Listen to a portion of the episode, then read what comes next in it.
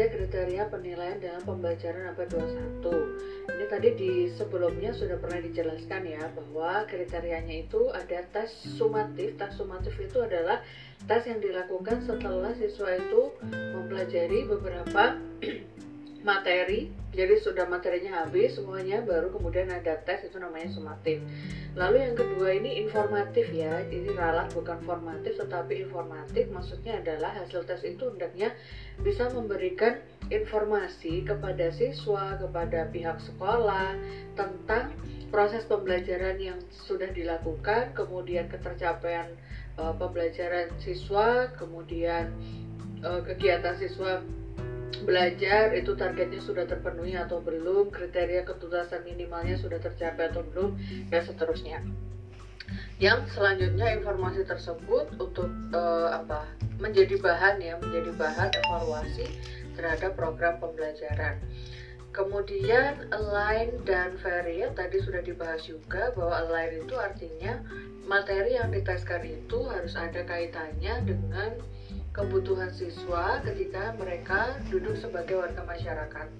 Gitu. Kemudian kalau variat karena uh, apa tesnya materi tesnya itu sesuai dengan kebutuhan peserta didik saat berada di masyarakat maka jenis tesnya jangan hanya tes tulis saja tetapi berbagai macam tes yang lain dan belum lagi ditambah dengan yang non tes Nah, kemudian bagaimana sekarang cara memberikan pengalaman belajar kepada siswa agar kompetensinya itu sesuai dengan yang diharapkan oleh pembelajaran abad 21. Tadi itu kan kompetensi pembelajaran abad 21 sudah dibicarakan di awalnya yang ada empat ways of uh, thinking, kemudian ini dia ways of working, tools work for working, living in the world. Ini kompetensi-kompetensi yang diharapkan dalam pembelajaran abad 21. Nah, bagaimana cara memberikan pengalaman belajarnya agar mereka bisa memiliki empat kompetensi tersebut? Yang pertama adalah mulailah dengan mengajak siswa mengeksplor topik-topik atau isi pembelajaran yang akan mereka pelajari gitu. Jadi eksplorasi dulu, brainstorming dulu.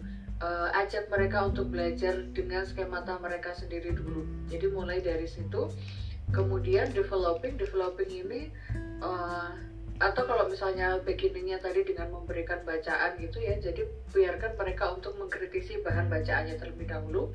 Kemudian developing itu mereka mengevaluasi jadi mulai percaya sama atau tidak dengan informasi tidak mudah percaya uh, terhadap informasi yang ada di dalam tes tersebut. Kemudian mereka mencoba untuk mencari referensi yang lain dan seterusnya. Jadi ada tahapan untuk mereka itu membangun pengetahuan metakognitifnya gitu terus menghubungkan dengan uh, sumber referensi yang banyak, menghubungkan dengan pengalaman dan seterusnya itu developing dan secure. Secure itu adalah ketika mereka sudah tadi sudah membangun, kemudian sudah mengembangkan pengetahuan. Nah, di sini di secure ini siswa sudah berada pada level kompeten. Jadi sudah kompeten dalam mengkaji suatu topik atau konten atau aplikasi dari suatu pembelajaran. Nah, ini pernah saya alami waktu tahun 2009 saat saya mengerjakan tesis itu uh, jadi membangun pengetahuan siswa untuk menulis cerita imajinasi kompetensi dasar yang saya teliti itu dimulai dari eksplorasi topik.